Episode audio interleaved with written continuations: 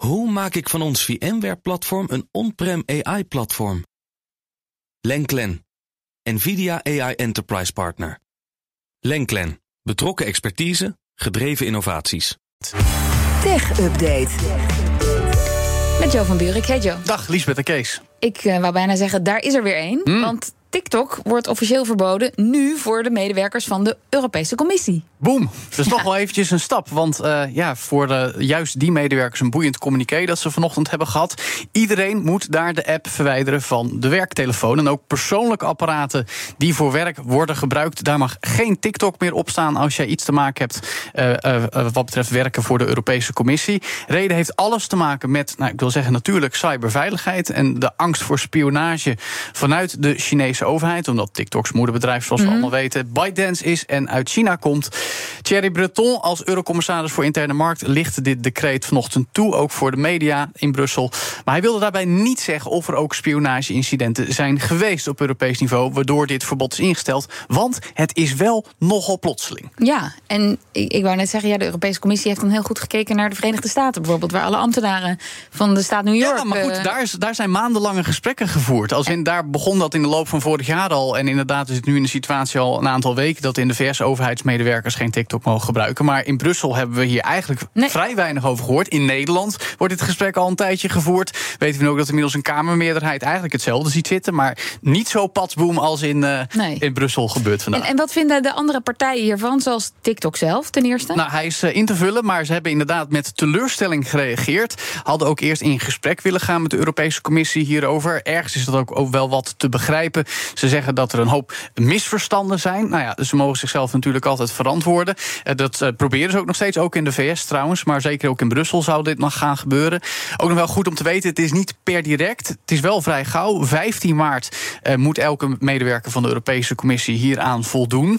En ook het Europees Parlement heeft laten weten aan Amerikaanse media, zoals Reuters en Bloomberg, dat ze hier kennis van hebben genomen.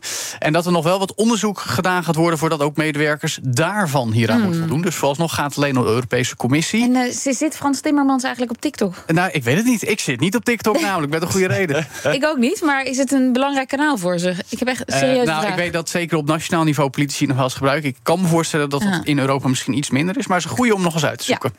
En dan meer technieuws van eh, Europees niveau. Er wordt doorgevraagd naar een bijdrage aan ons telecomnetwerk vanuit grote techbedrijven. Ja, dan zou het toch zomaar kunnen dat bedrijven als Apple, Google en Microsoft, maar ook bijvoorbeeld Meta en Netflix moeten gaan meebetalen aan onze internetinfrastructuur.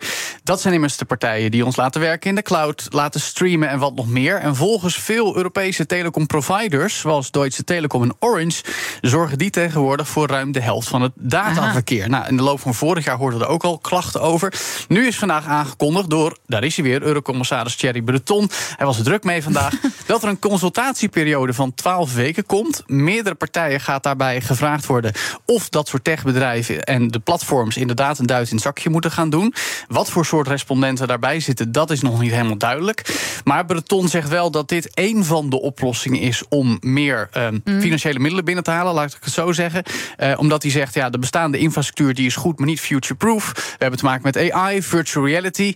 Nou, dat laatste valt denk ik nog wel mee. Maar in ieder geval, hij schetst een toekomstbeeld waarbij we gewoon nog meer eh, dataverkeer moeten kunnen Ja. laten gaan door Europa. En wil dat er scherp gekeken wordt hoe dat meegroeien gerealiseerd kan worden. Ja, of een deel van die investering moet worden opgehaald bij techbedrijven dus. Maar dat is net alsof je zou vragen aan Mercedes of Ford... eh, betaal mee aan onze snelwegen. Eh, Ja, dus, Ja. en de vraag is of je dat moet willen.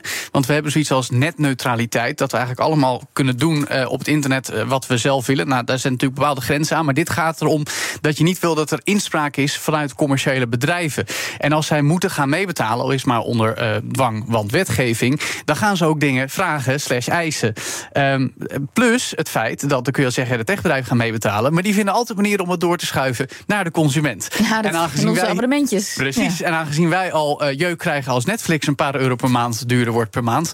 Dus eh, dan denk ik dat dit eh, ook op andere manieren in Ja, stijgende kosten gaat resulteren. Eh, Als zij niet hoeven mee te betalen, betekent dat dan dat wij ook niet mee hoeven te betalen? Want als stel dat het vanuit de overheidswegen gedaan wordt, betalen we er eigenlijk ook aan mee, hè, via belasting. Nou ja, en dat. En eh, ho- hogere telecomkosten en duurdere Netflix. Dus Ja, dan moet je op die manier meer betalen. Ja. Ja. dat klopt. Nou ja, wil jij betalen? Heb je nog wat over? Eh, nou, ik betaal al belasting, Joe van. Buurik. Nou, ja. Het is prima zo volgens mij. Dankjewel, Joe van Buurik. De BNR BNR Tech Update wordt mede mogelijk gemaakt door Lenklen. Lenklen. Betrokken expertise, gedreven resultaat. Hoe maak ik van ons VMware-platform een on-prem AI-platform? Lenklen. NVIDIA AI Enterprise Partner. Lenklen. Betrokken expertise, gedreven innovaties.